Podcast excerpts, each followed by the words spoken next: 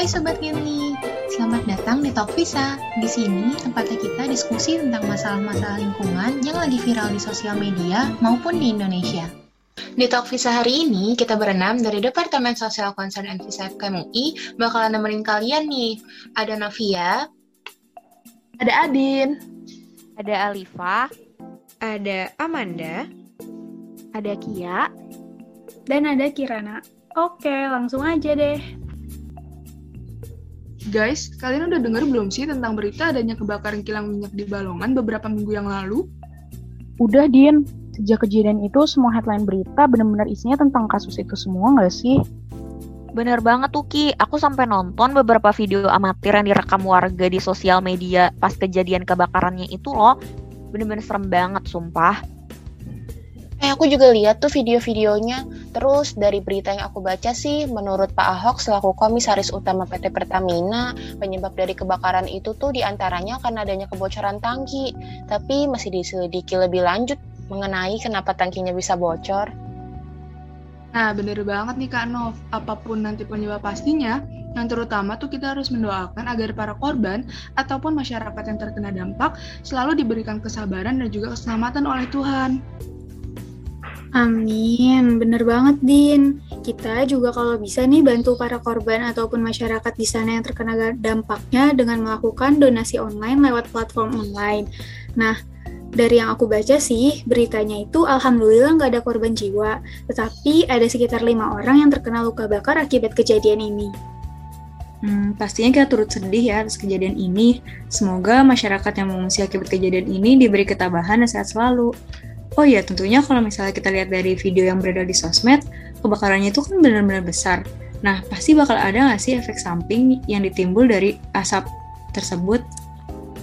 Pasti ada sih, Man. Secara asap yang ditimbulkan benar-benar banyak banget kan, dan pastinya bisa bikin pencemaran udara juga nggak sih?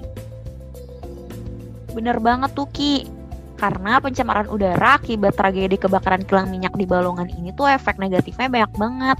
Misalkan, selain kelingkungan yang menyebabkan pencemaran di langit kemudian melubangi ozon sehingga akhirnya memicu pemanasan global, pencemaran udara ini juga menimbulkan dampak terhadap kesehatan loh, baik yang ringan maupun yang berat. Bener banget tuh kata Alifa. Aku pernah baca nih ya, menurut data WHO ada sekitar 7 juta orang yang meninggal setiap tahun akibat pajanan polusi udara. Dan alasan kenapa udara itu berbahaya karena asap pembakaran itu mengandung partikel PM. Apalagi PM 2,5 itu tuh partikelnya kecil banget, jadi gampang banget masuk ke dalam tubuh manusia, makanya dia berbahaya. Nah, selain itu, karena ini tuh kilang minyak, tentunya ketika terjadi kebakaran juga akan menimbulkan uap minyak yang sifatnya tuh karsinogenik. Jadi bahaya banget buat tubuh.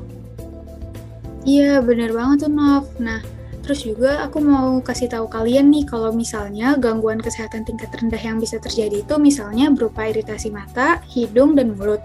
Terus juga ada penurunan stamina serta pusing atau sakit kepala. Terus juga ya kalau yang efek jangka panjangnya itu nggak kalah banyak. Nih ada penyakit pernafasan dan paru-paru, misalnya ada asma, pneumonia, dan kanker paru-paru. Terus apalagi ya, ada yang inget nggak guys? Betulan aku inget nih kak, jadi bisa juga timbul leukemia, yaitu kanker darah yang biasanya muncul karena pajaran gas benzena lewat saluran pernafasan.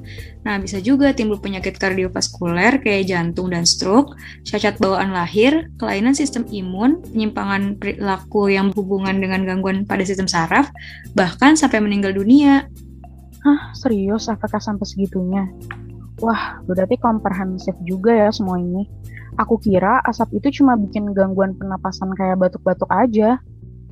Nah, iya Ki, ternyata nggak cuma itu aja loh. Salah satu penelitian yang dilakukan di Meksiko juga e, mengatakan bahwa polusi udara tuh bisa mempengaruhi memori serta tingkat intelijensi jangka pendek hingga nantinya bisa mengubah metabolisme pada otak seperti halnya mengidap penyakit Alzheimer loh. Iya, aku juga mau nambahin. Jadi, situs Kementerian Kesehatan Republik Indonesia itu pernah mempublikasi suatu data gitu soal hubungan bahwa anak yang belajar dengan situasi udara bersih dan bebas polusi cenderung memiliki prestasi yang lebih baik loh ketimbang anak yang terpajan pencemaran udara. Bingung banget nggak sih guys? Kayak kerugiannya tuh banyak banget gitu. Kalau kayak gitu, kita harus ngapain coba? Wah, banyak banget sih informasi yang bisa aku dapetin dari teman-teman semua.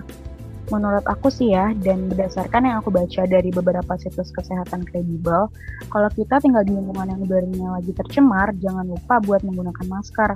Apalagi sekarang juga lagi pandemi COVID-19 kan, jadi penggunaan masker juga bisa membawa manfaat yang lain. Hmm, tapi berarti langkah pemerintah untuk mengungsikan masyarakat di sekitar kejadian itu udah bener banget dong ya. Jadi bukan hanya menjauhi dari kebakaran, tapi juga bisa membuat masyarakatnya nggak terkena efek langsung dari pencemaran udaranya.